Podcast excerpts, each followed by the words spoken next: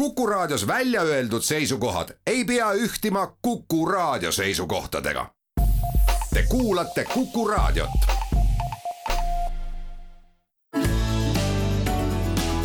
keskpäevatund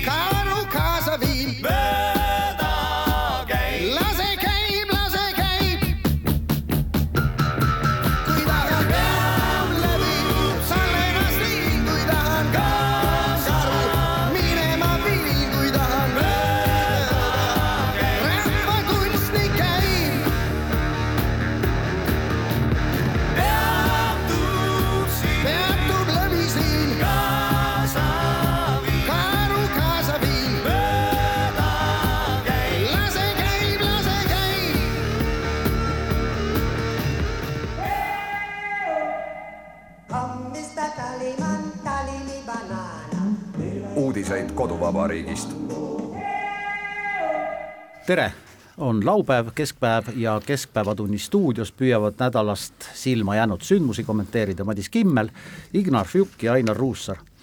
kui tahan, peatan lõvi tallena siin, kui tahan, kõik kolm karu minema viin ja see kõik on justkui nööri mööda rahvakunsti tegemine ja meie najal vaid seisabki see terve tsirkus koos, nii laulis legendaarne ansambel Fix ennast juba kolmkümmend viis aastat tagasi, tuhande üheksasaja kaheksakümne kaheksandal aastal enamuste eestlaste südametesse ja laul on nii oma viisilt kui ka sõnadelt endiselt päevakajaline üheksateistkümnendal jaanuaril ehk mõne päeva pärast peavad kõikide valimistel osalevate erakondade ja ka võimalike üksikkandidaatide nimed olema ametlikult kinnitatud. Valimiskampaania käib mürinal, lubadusi jagub ja järelikult jagub ka valikuid. teadmata on paraku see, kes ja milliseid lubadusi siis ellu saab hakata viima. igatahes on saabuvad valimised huvitavad, sest mängu ilu lisavad ka tänased parlamendivälised erakonnad, Eesti kakssada ja parempoolsed. no valimised on, on lähenemas ja lähenemas ja lähenemas, üha rohkem jäävad silma erinevad lubadused teile, mulle millised on võib-olla kõige absurdsemad, mis teile silma on jäänud? Ignar, äkki sa tahad alustada? no loosungites on teatud piiska tõde ja mul meenub kunagine Isamaa või oli see Isamaaliit loosung, et õnn ei ole rahas. ja kui nüüd vaadata Isamaa tegevust, nende valimiskampaania algas juba viimase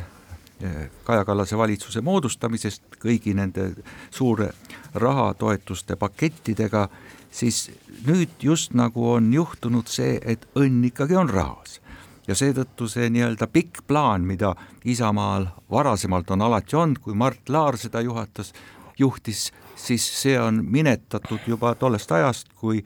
kui on loobutud sellest nii-öelda Eesti riigi kesksest poliitikast ja, on jutt on ainult nüüd, et, valimistel saada rohkem Riigikogu kohti ma püüan äh, praegu peast meenutada, mis on äh, erakondade loosungid neil valimistel. Reformierakond on kindlates kätes Eesti, äh, Keskerakond on julgelt näoga inimeste poole, Isamaa on, on ainult üks Isamaa. EKRE päästab Eestit, sotsiaaldemokraadid ütlevad, et palk peab tõusma, oli vist nõnda. Äh, siis parempoolsed ja Eesti kakssada on need, keda ma ei suuda praegu meenutada, kas neil on need loosungid välja öeldud või, või mitte, ma, ma ei ole kindel, aga nad on noh, minu jaoks üsna sellised amorfsed või, või hakka nüüd kusagilt siis kinni, et heakene küll, see EKRE Päästame Eesti, noh, see pakub kõneainet, aga, aga seda lubadust ja, ja kõlavat loosungit, noh, mis, kui, kui keegi ütleb mulle valimisloosung, siis mul tuleb ikka esimesena äh, Eesti Euroopa viie rikkama riigi hulka. noh, see loosungina oli see ju äge. aga mäletad, kuidas ta defineeris kogu, eks ju, kampaania ja sellise meemina on ta siiamaani meie peades, et absoluutselt geniaalne loosung, mis toona välja mõeldi ja, ja täna ma ei, ei näe, ei tunneta sellist äh,, äh sellist olukorda, aga muidugi ajad on ju ka hoopis äh, teistsugused, et mis see üldse valimiste peateema on. ühtepidi on see kindlasti julgeolek, kus noh, keeruline on, on kellelgi nagu risti vastupidi seisukohtasid üksteisele võtta, sest olukord on täpselt selline, nagu ta on ja julgeolek on paratamatult äh, üks, üks teemasid ja siin tundub, et äh, et erakondades valitseb kõige suurem üksmeel ja noh, keegi ei saagi praegusel hetkel vaielda sellega, et julgeolek nii sisejulgeolek kui ka sõjaline julgeolek kui ka inimeste toimetulekust lähtuv julgeolek on praegu üks kõige olulisemaid, aga tegelikult on meid ees ootamas ühed Eesti keerulisemad valimised. sest mässlevas ajastus riigile õige kursi andmine on ikka väga keeruline ülesanne ja lubada sealjuures, et noh, elu ei lähe küll paremaks ja võib-olla ei lähe lähemal ajal ka ilusamaks, aga noh, ta ei tohiks ka väga palju halvemaks minna. et päris keeruline olukord. nojah, aga, aga valimisi ei saa päris nii ka võtta, nagu, nagu e-, endine kolleeg Olle Mirme kunagi ütles äh, televisiooni kohta, et televisioon ei pea tegemata inimest tingimata targemaks, aga ta kindlasti ei tohiks teha lollimaks, et et valimisi peaks natuke võib-olla pikema, pikema või teistsuguse pilguga vaatama. aga teine, teie väiteid, et loosungid nagu ei, ei kõneta enam, siis eks selles on oma jagu süüd selles nii-öelda äh, sotsiaalmeedia ajastus, kus me olemegi harjunud lugema ainult pealkirju ja need pealkirjad ei suuda võistelda toimetustes pandud vahel väga nutikate artiklite pealkirjadega, millel pole artikliga mingit seost. aga üks loosung küll mind häiri, ärritab ja see on seesama Isamaa loosung, et on ainult üks Isamaa ja sellega ta nagu laseb iseendale jala peale, sest on, on ainult üks Isamaa, see on meie Isamaa, kus ma elan ja selle kõrval ei ole ühtegi Isamaad, mis pretendeeriks sellele. nii et nad ütlevad, neid pole olemas, sest on ainult Isamaa ja mitte nende erakond. ja väga paljud muud loosungid on veel nii-öelda huvitav neid ajas vaadata, et noh, sotsidel on nüüd pea, et palgad peavad tõusma üheteistkümnendal aastal, kaks tuhat üksteist oli neil uus algus, aastal kaks tuhat viisteist oli inimese eest. kui panna nad kõik nagu aegritta, siis me näeme, et neis pole ühtegi mõtet, ühtegi ideed, see on üks tühi paljas sõna ja nagu eelmäng sellele sotsiaalmeedia ajastule, kus opereeritakse lihtsalt tühisõnadega. ja ka sotsiaaldemokraadid meenuvad mulle üldse peamiselt ainult Tallinna taskuparkidega viimasest ajast, et no vaata, sa vist, Madis, natuke oled ülekohtunud. no eks ma natuke olen ka. sest väiksemaid on alati kergem äh, lüüa ja ironiseerida ja ka minu poolt, vabandust Isamaa poole, et nad on ju ikkagi väike partei ja detsembri küsitluse seisuga oli neil toetus ainult neli koma kaheksa, et et võib-olla neist ei olegi võtet, kui parlamendierakonnast rääkida. no ma muidugi sellega nüüd päris nõus ei ole, et ainult äh, nii-öelda väike väikseid on võimalik või et lihtsam tümitada, et kui me võtame suuremad, hakkame noh, sealt nii-öelda tagantpoolt kolmandast siis äh, pihta või neljandast, äh, Eesti kakssada, et äh, noh, väga lihtne ja minu arust vägagi võimalik nii-öelda tümitada kasvõi sellest, mis asi te siis olete lõpuks, et, et pikk plaan Eestile, no heakene küll, aga, aga me jätkuvalt, ma ei mäleta, mitmes aasta nüüd Eesti kakssada erakond on, jätkuvalt me ei saa tegelikult aru, mis asi see erakond on, mida nad taotlevad ja mis on see maailmavaade, mida nad esindavad. No maailmavaatega on üldse nii, et, et millisel erakonnal see siis maailmavaade on. Isamaast rääkisime, see, millest seisis, mille eest Mart Laar, tänane Isamaa, kes on toetuste nii-öelda hegemoonia ja maaletooja, ei, ei puutu üldse asjasse, kunagine äh, Arnold Rüütel, kes oli siis äh, Maaerakonna äh, nii-öelda vaimne juht ja tänane EKRE, sellel pole mingit pistmist. Arnold Rüütel oli see, kes toetas Eesti jõudmist kiiresti Euroopa Liitu. ja, ja ka Keskerakond, mis sündis Rahvarindest, ma ise seal nii-öelda olin selle muutuse ajas ja populism oli meile absoluutselt võõras. see hetkest, kui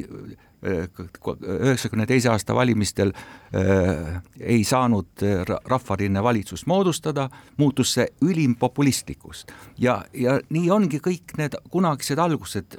tänaseks muutunud, kunagi Siim Kallas Eesti kodanike ühendus või see partei, kes oli nii-öelda kodanikumanifest, sellest pole ka midagi järgu. aastal kaks tuhat viis tuli peenhäälestamine, täna pole enam sedagi, nüüd lihtsalt mängitakse Isamaaga sedasama mängu ja jagatakse toetusi. no mis on siis see, millest me peaksime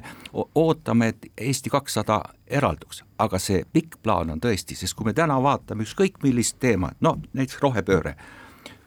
kümme aastat pole ühtegi meretuuleparki ega maismaatuuleparki, järelikult on puudunud pikk plaan, et me räägime rohepöördest, aga tulemust ei ole. nii et see pikk plaan tähendab seda, et me kaalume kõiki teemasid mitte kolm ja neli aastat valimistsüklis, vaid kümme ja viisteist aastat ette ja ka nii selle järgi tegutseme. no jah, sa oled, sa oled äh, paratamatu optimist, et see mulle kohati meeldib, aga mina ei tea küll ühegi riigi valimisi, kus äh, võiks väita, et seal populismi ei, ei esine. Ja loosung ongi loosung, loosung ongi sellepärast loosung, et me võime siin äh, noh, ironiseerida, aga ta peabki olema selline lihtne, äh, kas Eestit päästev või Eestit edasi aitav või Eestit hoidev. Ja nii see lihtsalt valimistel on, midagi ei ole teha, mehed. aga Tallinna Ülikooli dotsent Tõnis Saarts kirjutas minu meelest väga huvitava loo Postimehes äh, ja tema põhimõte oli see, et valija peab kujundama nendel valimistel oma eelistuse kahe täiesti erineva demokraatiaprojekti vahel. ja ta ütles, et õhukesest riigist enam väga palju ei räägita, ehkki võib-olla kõige häälekamalt, see on nüüd minu väide, räägivad õhukesest riigist parempoolsed et sellisest viimaste aastate kriiside üledoosist, nagu me kogenud oleme, ei saagi ju tegelikult riiki väga palju enam õhemaks hööveldada või ikkagi saab? efektiivsemaks saab kindlasti, et äh, kasvõi sellest nädalast meenuvad mulle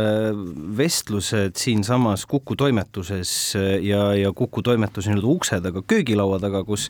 äh, mitut puhku käis äh, nii-öelda, oli, oli õhus või räägiti jälle siis tohutust äh, bürokraatiamasinast Eestis. ma pean siin silmas äh, eestlasi, kes ei ela Eestis, kes elavad Abhaasias ja, ja, ja neid eestlasi, noh, kes, äh, kes võib-olla ei olegi oma rahvuselt eestlased, aga on Eesti kodakondsed ja, ja kellel on Eesti riigiga suhtlemisel probleeme, sest neile öeldakse, et vot sul ei ole dokumenti A, B või C ja me ei suhtle sinuga sellepärast. Mm, noh, minu jaoks on ka see õhuke riik ehk, ehk noh, natukene laenates Ülle Madise kunagist mõtet, et ei ole olemas nagu kahte eesti keelt, et on ametnike eesti keel ja siis eesti eesti keel. et, et minu arust selle kodanikuks olemise ja eestlaseks olemisega on nagu üsna sarnane, et et kui sa oled meie, siis sa oled ju meie, et noh, ja omasid ei jäeta põllule ja, ja kui omad jäetakse põllule mingisuguse lollaka bürokraatia pärast, siis noh, tegelikult on see tohutult kurb. ehk, ehk püüda nii-öelda seda siis õhukest või paksu riiki siia kuidagi vägivaldselt nii-öelda sellesse teemasse sisse suruda ei ole küll päris sama asi, aga, aga mõte nii-öelda emotsionaalsel tasandil läheb, läheb äh, sinna. no ja õhuke või paks, äh, noh, see on igipõline vaidlus ja kes ja kuidas me seda, seda piiri mm, vedada saame, aga noh, fakt on see, et enamus inimesi, kes siin elab, olgu nad siis rahvuselt eestlased või mitte-eestlased, olgu nad kodakondsed või ajutise töö- ja elamisloaga, vaatavad rohkem või vähem Eesti riigi otsa enne valimisi ja pärast valimisi, lootuses olla kaitstud, seda kõige üldisemas mõttes, sõja eest, haiguste eest, vaesuse eest. Ja see kõlab nüüd nagu loosung, aga tegelikult me ju seda ootame, Ignar vaata, ma lugesin ka seda Tõnis Saartsi artiklit ja ja ta toob nagu välja, et, et see kampaaniatel või valimistel valitakse kahe erineva nii-öelda mitte liberaalne demokraatia ja liberaalne demokraatia vahel, aga et nad mõlemad paigutud, oleks võimalik paigutada nii-öelda riigi osalemise suurenemise konteksti. ja, ja et vaadake, et praegu see kõik juba nii toimub, et toetused kasvavad ja aga ma arvan, et, et see on, see, mis täna toimub, on nagu vigade parandus. sest riigi rolli suurenemine algas väga paljudest valedest otsustest, kus riik defineeris teatud teemasid loosunglikult ja meetmed, mida ta kasutusele võttis, olid kohatud või mitte õigeaegsed, no näiteks rohepöördega seotud energiakriis, et Euroopas riikides pandi kaevandusi kinni, neid ei, ei, ei renoveeritud või et pandi aatomituumajaamad kinni või neid enam juurde ei tehtud, eeldades, et see nii-öelda taastuvenergia tagab meile vajaliku energia või mängiti lapsikut mängu idaressursside ja energiakandjatega, eeldades, et Venemaa on igavesti sõbralik ja annab meile seda. kes ei seda on. eeldas? ja Saksamaa, Prantsusmaa, kõik need riigid, kes kes läksid sellesse ida seda eeldas odav, odav raha nii-öelda, odav tehing. ja täna, et riik peab ja riigid toetavad ettevõtlust ja maksavad elektri eest inimestele toetusi ja nii edasi, see on lihtsalt üks hetkepositsioon ja meile lisandub sellele veel valimiste-eelne olukord, nii et riik ühelt poolt parandab oma vigu, aga teiselt poolt kogu see poliitiline establishment mängib valimiste mängu ja kui valimised on läbi ja eelarve on miinuses, miinuses, miinuses, siis lõpevad ka toetused ja jääb järgi ainult bürokraatia. ja vot see, mida sa, Madis, ütlesid, et seda riiki oleks küll vähem vaja, kui ta on nii-öelda selles bürokraatia rosoljes. teeme siin väikese pausi ja siis jätkame. keskpäevatund keskpäevatund jätkab Madis Kimmel, Ignar Fjuk ja Ainar Ruussaar, jätkame natuke poliitikaga veel. kas teile ei tundu, et oleme liberaalse turumajanduse ideest jõudnud üha rohkem sotsiaalse turumajanduseni? või selle ideeni, mida siis üheksakümnenda esimesel poolel propageeris tõsiselt toonane mitmekordne peaminister Tiit Vähi ka mingil määral jah ja mingil määral ei, eks. Et ähm, teatud mõttes on, on see üks koma kolm miljonit inimest ja, ja ainult turumajandus ikkagi noh, utoopia, et päris, päriselt nii ilmselt ei saa, nii nagu paljudes teistes kohtades. aga, aga kas me peaksime nüüd sajaprotsendiliselt sellist äh, sotsiaalset turumajandust püüdma üle võtta, noh, nii nagu me oleme näinud aastakümnete jooksul äh, Põhjamaades ma ei ole selles kindel. Mina ei näe küll mitte mingit märki sellest, et ikkagi seesama, millest oli eelnevalt juttu, et toetusi on palju ja toetused suurenevad mõnda aega, et see just nagu defineeris ka meie Eesti poliitikat ja ka siis öelda, on see nüüd sotsiaalne turumajandus, miski muu, siis ma ei näe siin mingit sotsiaalsust, see nii-öelda valimiste-eelne rahakülv, sõltumata, kas seda saab abivajaja või see on lihtsalt kõigile võrdselt, see on ainult üks osa ja võib-olla kõige vähem tähtis osa sotsiaalsest turumajandust. sotsiaalne turumajandus tähendab ka paremat hariduskorraldust, parimat tervishoiukorraldust, paremat siseturvalisust, julgeolekut, päästeametite teenistust, see, selleks ju kõik raha napib, selle, see on ju kõik alarahastatud ja ütleme linnade, eriti näiteks Tallinna puhul, kus on juba alates Savisaarest, kui otsustati pensionäridele viissada krooni ja Vabaduse platsile toodi need kartulikotid, et siis pööras nagu eh, omavalitsuse tähelepanu infra struktuuri ja igasuguse nii-öelda ühisteenuste arendamiselt ka eh, riigi sotsiaalministeeriumile eh, funktsioonide täitmisele, mis päev-päevalt järjest kasvab ja tulemuseks ongi see, et, et Tallinn ainukesena pealinnana Euroopas, kus ühistranspordi kasutamine väheneb ja eratranspordi isiklike sõiduautode kasutamine kasvab. ja see ongi tulemuseks see, et ühistransporti ei investeerita, see on ebamugav ja inimesed selle tõttu ei saagi seda kasutada. nii et kõik need näited tegelikult on see, et, et poliitika on üldse minetanud õiged fookused või ta ei ole enam Eesti poliitika või Eesti inimeste teenistuses, vaid see on ainult selleks, et saada valituks, kas kohalikel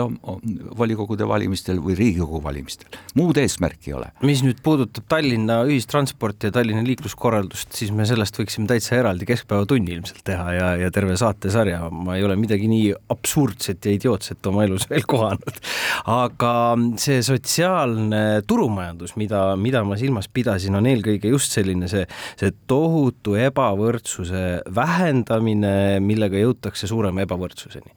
Ehk et äh, selline halli massi tootmine, et kõik ühtemoodi tasapaksuks, äh, mis, mis lõpuks viib äh, olukorrani, mida on nii-öelda lääne õpetlased nimetanud või, või mõned autorid meritokraatia surmaks või, või meritokraatia nii-öelda läbikukkumiseks. ehk et inimesed, kes oma oskuste, annete ja teadmiste pealt püüavad edasi liikuda, neil pannakse lihtsalt nii-öelda see kuulus väljend klaaslagi ette. Jaa, aga ma pean tunnistama, et jah, kusagilt tuleb selle kõige jaoks raha võtta, on mingisugused asjad, mida tuleb äh, ennekõike ära teha ja need asjad muutuvad ajas, noh, julgeolekust me rääkisime, aga peaaegu kõik poliitikud, kellega ma olen teinud viimastel kuudel Kuku raadiole intervjuusid, on, on küll moka otsas tunnistanud, et jah, ega ega ilmselt maksureformist pääsu ei ole, aga vot seda maksudebatti enne valimisi nagu keegi eriti üles ei taha võtta. Ja sellest väga ei räägita, et noh, milline erakond siis tõesti läheks viiendale märtsile vastu teatega, et midagi ei ole teha, kui meie saame võimule, siis me peame tõstma käibemaksu või aktsiise või tulumaksu, muidu ei saa me olla hoolitsev ja kaitsev riik. sellist debatti enne valimisi ei ole sellest samast äh, Tõnis Saartsi artiklist oli veel üks teine tees, mida ta esile tõi, et äh, valida tuleks siis nii-öelda mitte liberaalse demokraatia vahel ja liberaalse demokraatia vahel ja lihtsalt hästi kiirelt markeerin ära, et et liberaalne demokraatia on siis see, kus on peamiseks tunnuseks sõnavabadus, võimude lahusus, õigusriiklus ja universaalsed inimõigused, sõltuvata nahast või soost või rassist, et sa oled kõikide inimõiguste suhtes nii-öelda võrdselt koheldud. ja, ja teine on siis see mitteliberaalne, mida ta proovib defineerida, et, et seal võimule tulekuks on, on või et see erinevus on see, et teatud mõttes hakatakse mööndusi tegema neile nelja teesi suhtes, mida ma esitasin aga, aga ma tahaks rõhutada seda, et, et kui jutt on tõesti mitteliberaalsest demokraatiast, siis nii nagu Hitler tuli võimule täiesti demokraatliku seaduse ja demokraatlike meetoditega, siis võimule saamisel hakkab väga kiiresti kaduma need neli punkti, on need siis universaalsed inimõigused või kohtu ja, ja valitsuse, Riigikogu ja nende nii-öelda lahusus või, või, või siis lihtsalt kõige see tavalisem õigusriiklus ja nii kui üks nendest kaob, siis pole enam juttu demokraatiast. siis see ei ole enam mitteliberaalne demokraatia, vaid see ongi lihtsalt üks autokraatia või üks süsteem, mis on minetanud üldse demokraatia, nii et seda enam tuleks väga täpselt defineerida ja sõnakasutus olla hästi hoolas. no mõnede suurte või vähemalt äh, suure hulga toetajate populaarsust nautivad erakonnad on selgelt vastandunud ja seda nad on küll öelnud nende valimiste eel selgelt vä- välja, et äh, EKRE ei mängi Reformierakonnaga ja Reformierakond ei mängi EKRE-ga, seda on mõlemad pooled öelnud, no saab näha, kui, kuidas see jõudude vahekord pärast viiendat märtsi kujuneb, aga noh, ära kunagi ütle ei, sellepärast et minu meelest on poliitikas kõik võimalik, aga praegusel hetkel võib küll öelda, et jah, rahvuskonservatiivid on need, kes äh, ütlevad laias laastus ei globaliseerumisele, ei rohepöördele, kes on erakordselt kriitilised siia saabuvate põgenike suhtes, kes ütlevad, et äh, Eestimaa ja eestlus on ohus, jah, vastandudes seega tegelikult moel või teisel kõigile teistele erakondadele, kes valimistel ka kandideerivad. kui me alustasime saadet Fiksi lauluga Tsirkus, siis ma selle teema lõpetaks ka selle, selle sama laulu mõttega või, või sellega, et, et me, et eks meiegi ajakirjanikena peame ju meeles pidama ja, ja tuhka pähe raputama, et meie oleme need, kes mitte ei pea seda tsirkust, aga vähemasti me oleme nii-öelda siis need piletimüüjad. et eh, kellele kui palju ja, ja mismoodi me siis nii-öelda platvormi anname ja millised on need eh, kvaliteetsed debatid, mis jõuavad vaatajate, kuulajate, lugejateni poliitikast rääkides tahaks ühele asjale veel tähelepanu juhtida, et äh, vi-, üks viimaseid uuringuid äh, proovis võrrelda meeste ja naiste ro-, rolli just nimelt sellel poliitikaturul või poliitikamaastikul ja ausalt öeldes ma arvasin, et asi on hullem. pooled Eestis elavatest naistest on kõrgharidusega, see on ju suurepärane, meestest vaid kolmandik, aga enamustest parteidest, nende liikmetest on noh, pooled naised, mõnel parteil isegi näiteks Keskerakonnas viiskümmend kaheksa protsenti, aga kõik on sinna viiekümne protsendi poole, aga miks siis ikkagi miks siis ikkagi naisi poliitikas vähem on kui mehi, et meeste hääl poliitikas kõlab nagu ma ei tea, valjemini või? ma ei ole absoluutselt nõus. aga neid on rohkem, aga miks see nii on? Äh, ma ei, eriti kui ma vaatan viimast aastat, noh viimast isegi mitut aastat ja, ja mitte ainult Eestit, vaid äh, noh, kas või, kas või ütleme Põhjala poole vaatan, siis äh, no maailm tegelikult ju vaatab Ukraina kontekstis väga selgelt Kaja Kallas ja Sanna Marini poole. Nad on Soome lahe raudsed leidid kindlasti kohe, et, et see, et, et, et Kaja on nii halvustavalt kui mitte halvustavalt sõjaprintsessiks kutsutud, ma arvan, et see on, on õige. ja, ja see, et noh, ma, ma siiralt tõesti arvan tunnen ja näen, et, et see niisugune, ma ei tea, sugudevaheline kemplus, mida aeg-ajalt üritatakse nagu teha, et see, see on oma aega ära elamas. muidugi on jälle tore, on ju, kolm meest istuvad stuudios ja räägivad. ma tahaks sinuga väga nõus olla ja ma väga loodan ja tõepoolest see, kordan üle, pooled äh, Eestis elavatest naistest on kõrgema haridusega, neid kõrgema haridusega haritud naisi on palju rohkem kui siin elavaid, elavaid mehi ja, ja tegelikult äh, ma ei usu igasugustesse triibulistesse nimekirjadesse, mida on aeg-ajalt püütud rakendada, triibulne nimekiri, hea kuulaja, tähendab siis seda, et mees ja naine, mees ja naine on selles valimisnimekirjas, mina sellesse ei usu, mina usun sellesse, et äh, agarad naised on, on ise üha julgemad ja suudavad ka seda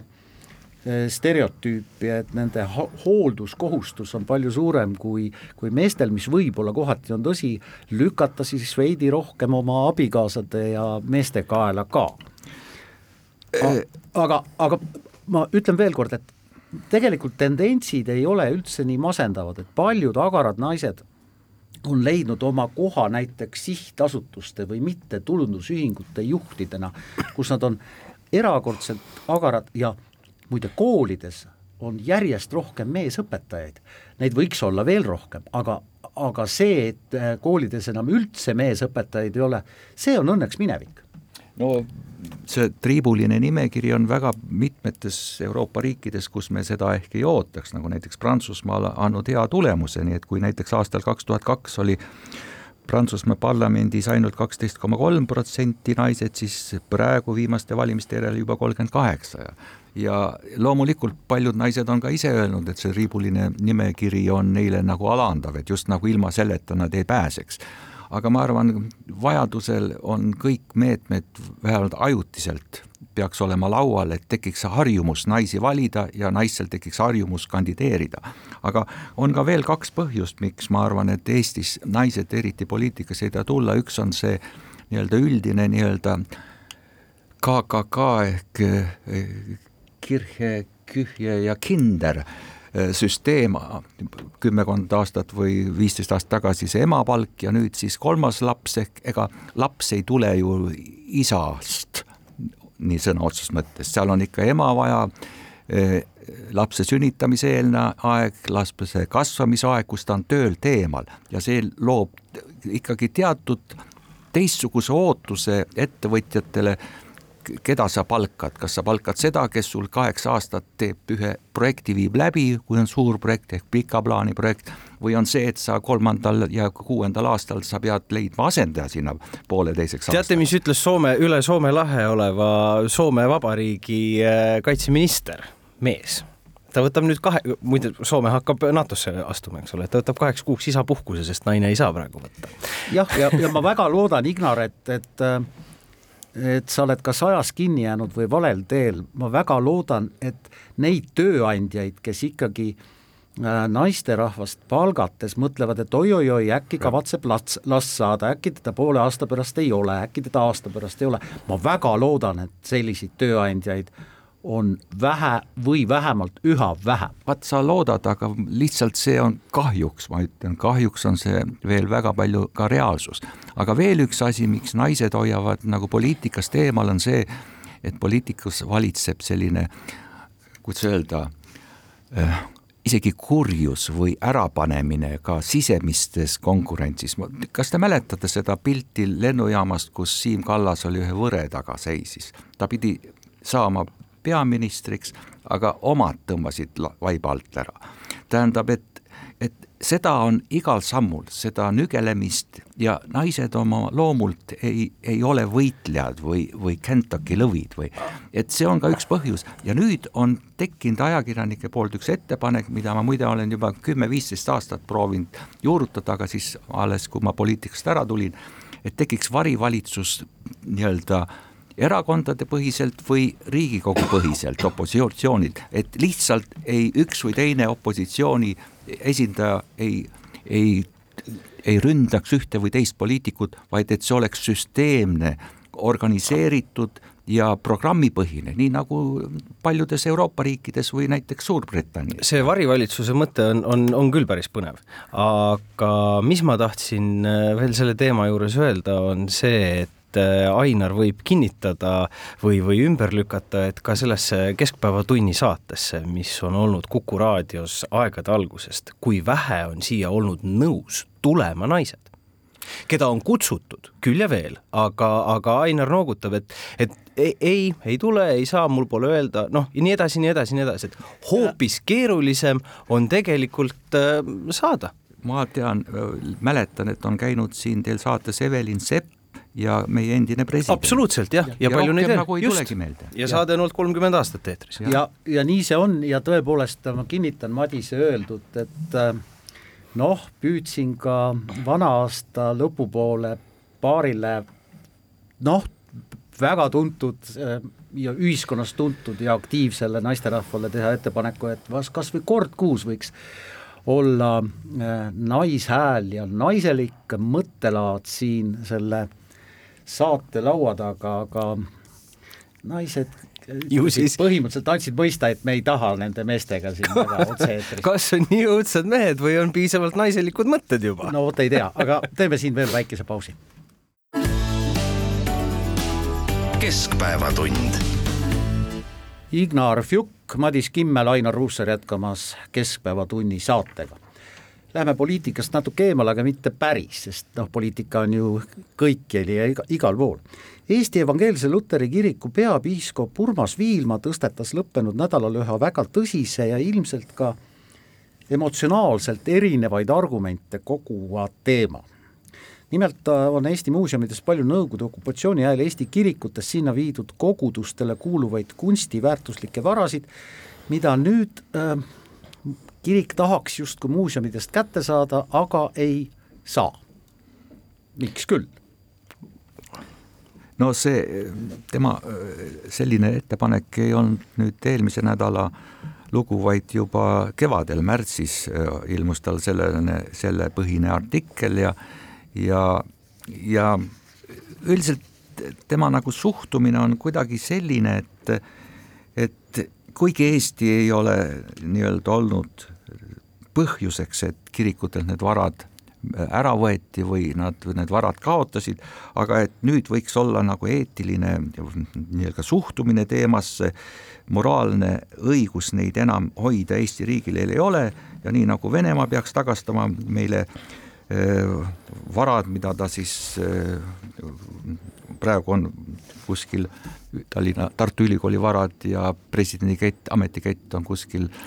Koronusis või ja. kus iganes, et peaks ka Eesti riik selle nii-öelda õigusliku sammu tegema. ja ta kasutab ähm, mõistet nagu dekoloniseerimine, viidates siis nii-öelda Saksamaa ja mõne teise Euroopa riigi kui endise koloniaalmaa tegevusele, kus ta siis, kus nad siis tagastavad endistele asumaadele eh, mitmesuguseid varasid. Ja vot see kontekst mulle ei meeldi ja see on isegi veidi alatu, sellepärast et et me ju teame, kuidas see Nõukogude võim, mida ta kirikutega tegi. Tartu Maarja kirikusse tekkis spordisaal, Rootsi Mihkli kirikusse tekkis spordisaal, Peeteri, Peeteli kirikusse Eesti Telefilmi võttestuudio ja, ja ka ladu ja Ida-Virumaal on äh, selliseid kirikuid, kus oli silohoidla ja väetisehoidlad ja Eesti toonane haritlaskond ja muuseumite nii-öelda eestvedajad, see oli nende panus, et tuua nendest hävi, hävinevates kirikutes kogu see vara, mis oleks muidu laiali tassitud ja hävitatud. Ja Eesti riik on hoidnud ja säilitanud seda tingimustes, mis nõuavad raha, hoolsust, no alles ma mäletan ähm, Noa-Rootsi kabelist varastati kaheksa-üheksa aastat tagasi hulganisti hõbeehteid, sest neid ei olnud korralikult valvatud ja et igasugune vara eeldab ka selle hooldsat hoidmist ja ka vastavat kliimat. Ja tuletades meelde, et Eesti riik ja ka linn, näiteks Tallinn läbi selle äh, kirikute renessansi finantseerib pidevalt kirikute restaureerimist ja remontimist, siis ja sellest on alati vähe. Need kirikud lagunevad, nii et kui kirikud võtavad ka omale ülesande neid kunagisi varasid tagasi saades sama hästi hoida, nagu muuseumid seda täna teevad, siis nad hakkavad veel täiendavat raha nõudma. siis on varsti käsi pikalt ees. täpselt uh, -huh. nii et, et ma soovitaks nagu kokku leppida, et tõesti on mingisugused esemed, mis on vaja liturgilisteks teenistuseks ja, ja, ja on vältimatult, aga öelda nüüd, et kõik varad peaks tagastatama peale seda, kui Eesti riik on nüüd kaheksakümmend aastat neid hoidnud ja valvanud, et see on just nagu liiast. nojah, mm, alati on võimalik muidugi ka teatud esemeid äh, deponeerida ehk siis muuseum saab teatud tingimustel mõnele kirikule nende käsutuses või nende hoiul olevat vara mm, anda siis kasutamiseks, aga on veel üks minu meelest mitte ainult emotsionaalne, aga väga praktiline eelis. see, et võtame ükskõik millise muuseumis hoiul ole, oleva eseme, muuseumis näeb seda palju-palju rohkem inimesi kui käib inimesi kirikus. muuseumis hu- uuritakse seda eset, Mm, sest muuseum on ka teadusasutus. ehk siis tegelikult äh, muuseum viib sedasama vara palju rohkemateni inimesteni ja palju teaduslikumalt, kui kirik ilmselt seda kunagi teha suudaks. stuudios valitseb haruldane üksmeel, ma püüan äh, meeleheitlikult mõelda mõnda argumenti, et teile vastu vaielda ja, ja ei äh, suuda. kui otsast alustada, siis ma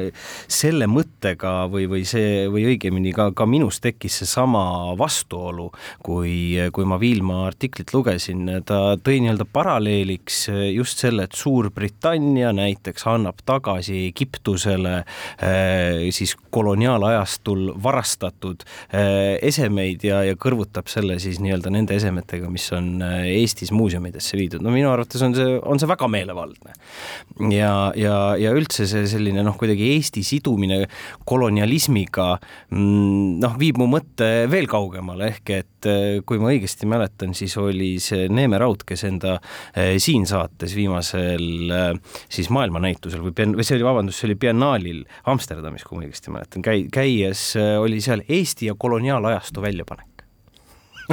no kuulge, halloo, kus kohas, mismoodi, noh, et me, me oleme sellest äh, maailmast ja sellest taagast niivõrd kaugel, et, et neid asju kuidagi nagu omavahel või, või meelevaldselt siduda ja öelda, et me peame nüüd käituma sama mustri järgi, nagu püüavad teatud äh, endised koloniaalriigid end rehabiliteerida asumaade silmis, no see, see, see tõesti tundub, tundub kuidagi nagu meelevaldne. ma olen sinuga täiesti nõus ja noh, kui sa brittidele viitasid, et nad tõepoolest äh, noh, teatud poliitika survel on mõnesid äh, varasid tagastanud, siis tule taevas appi, ma arvan, et Briti muuseum on Vana-Egiptuse, Sumeri ja Süüria üliharuldastele museaalidele palju kindlam hoiupaik kui tänane Süüria, tänane Egiptus või tänane Afganistan. täpselt nii. ja, ja sellest peamegi lähtuma. kindlasti ka on veel see, et tänased muuseumides olevad endised kirikuvarad on museaalid ja kui nad sealt välja antakse, siis nad peaks defineeritama kui mälestised ja nende üle tekib koheselt nii-öelda muinsuskaitse alane kontroll ja hooldus ja, sest see on ikkagi ühisvara, ega siin ei ole, ei saa erisust teha, et, et kirikuvara, kui ta on mälestis, ei puutuks nii-öelda muinsuskaitse kompetentsi. see on üks, aga teine, ma arvan, on ehk hea nõu-, nõuanne, et kogu see kirik ja ja see, sedalaadi mõtlemine ja olemine ja, ja kõik need liturgiad, need muutuvad ajas. Ja vahel mulle tundub, et Eestis me ei, ei ole muutunud sedavõrd, kui on Lääne-Euroopa riikides, Ameerika Ühendriikides, et, et seda noort ja teatud muutuvat peaks olema rohkem ja soovitan lihtsalt pöörata pilk Eesti kunstnike ja, ja igat laadi näpuga tegijate poole, kes meistetaks igasuguseid uusi põnevaid ja kaasaegseid esemeid kirikutele. seal võiks olla kaasaegset maali, kaasaegset skulptuuri, täna ehk ei ole üldse, aga seda võiks olla palju rohkem, et kirik areneks koos ajaga, et ta ei oleks lihtsalt mineviku mõtete ja, ja kirgede või mingisuguste emotsioonide pantvangis, vaid et ta looks ka selles maailmas uut Eestit. no jaa, aga kui, kui mõelda heas mõttes konservatiivsuse peale, siis noh, kirik on ikkagi üks selliseid konservatiivseid väärtusi, ma ei räägi üldse poliitikast, ma räägin selle konservatiivsuse mm -hmm. tähendusest. üks selle konservatiivsuse hoidja ja see, mida sa, Ignar, kirjeldasid, on kirjeldusena jube põnev ja selle üle tasub mõelda, aga kui kaugele siis viia see kaasaegne modernne maailm ja kirikule omane konservatiivsus, kus see kokkupuutepunkt on, see minu jaoks natuke segaseks? No et siin nüüd natuke kedagi vähemasti kusagil raadiote ees ärritada, siis sama konservatiivse nagu mõttelaadi edasikandja on ju Harry Potter ju kes räägib tarkusest ja, ja tegelikult ka pereväärtustest, et ähm, noh, kuhu ma viitan, on see, et on, on terve selge nagu ateistlik äh, mõttemaailm ja ja, ja mis siin salata, ka siinkõneleja kirjutab sellele alla, et äh, piibel ja Harry Potter ja Spider-man peaksid olema raamatupoes äh, samal riiulil. no nii äh,, vaatame siis, mis saab ja kuidas saab, aga ma kordan oma, oma mõtet, mida ka teie siin üksmeelselt jagasite, et muuseum tundub, et on ikkagi üks kõige kindlam paik ja kindlam koht, kus meie, meie väärtusi hoida. ja luba, ma isegi tahaks nii palju öelda, et tundub, et muuseum peaks olema märksa konservatiivsem kui kirik. kirik on ju elava inimese pärilt, muuseum toob kokku vara ja see on pigem just konservatiivne. oot, oot, oot, oot, oot, aga, ei. aga, aga teistpidi, kui me teeme nüüd muuseumi varasalved kiriku asjadest tühjaks, siis me saame sinna uusi asju tuua. ka õige. jah, sest et, sest et teatavasti muuseumi varasalved ei ole ka lõputud. Just. aga, aga sinna saab asju koguda, ma ei ole sinuga, Ignar, selles mõttes nõu, nõus, et et muuseum ei pea olema üldse üdini konservatiivne, ta küll säilitab, ta uurib, ta näitab, ta seletab, aga seda saab teha ja mõned muuseumid on ka teinud väga-väga kaasaegsel moel, moel, mis tegelikult äh, noh, kõnetab äh, noori inimesi ja, ja lapsi väga hästi. see ongi muuseumi üks eesmärk. saate lõpuks äh, Eesti-Vene suhted on võtnud uue pöörde ja mitte ainult Eesti-Vene suhted, vaid väga paljud lääneriigid on vähendanud Vene diplomaatide arvu oma riigis, seda tegi ka Eesti ja ja noh, loomulikult Kreml teatas vastuseks ametlikult, et äh, vähendatakse ka Eesti diplomaatide arvu, äh, kes on Moskvas, noh annaks jumal, et see asi jääb diplomaatide arvu vähendamisele ja ei lähe kusagile, ei liigu kuhugi edasi. aga noh, mis te nüüd ennustate, mis äh, mis sellest julgeolekumaailmast siis pärast valimisi ja üldse edasi peaks saama? hästi keeruline, aga ma ise mõtlen tead, teatud mõttes lootustandvalt vaatan tulevikku, sest äh, Ukraina võidab selle sõja, peab võitma ja, ja muud varianti ei ole, aga äh, siis tuleb uus faas ja, ja, ja Euroopas need hääled, kes tahavad äh, tagasi minna sellesse äh, nii-öelda business as usual, neid tuleb väga-väga palju ja ma arvan, et siis on, on meil uus roll koos oma Ukraina sõpradega selgitada, et sõbrad, see, et Venemaa välja löödi Ukrainast, ei tähenda veel, et ta on muutunud. ehk et ei tuleks needsamad äh, gaasilepingud nii-öelda tagasi Saksamaaga, mis nad olid veel natukese aja eest. ja lisaks kindlasti ka veel selle, et ka kõik need otsused, mida Eesti nüüd tegi konkreetselt eh, Vene suursaatkonnas töötajatega või, või Vene varade konfiskeerimisega seoses, et need tegelikult on ju kõik kooskõlastatud Euroopa Liidu ja NATO partneritega ja kõike muud, mida see sõda ka ei tee, aga ta on seda ühisrinnet ja koos olemise mõtet kinnistanud nii Euroopa Liidus kui NATO-s, nii et Euroopa Liit ja NATO pole kunagi olnud ühtsemad, kui nad on seda praegu au Ukrainale! Madis Kimmel, Ignar Fjuk ja Ainar Ruussaar tänavad, et kuulasite Keskpäevatund nädala pärast laupäeval. keskpäevatund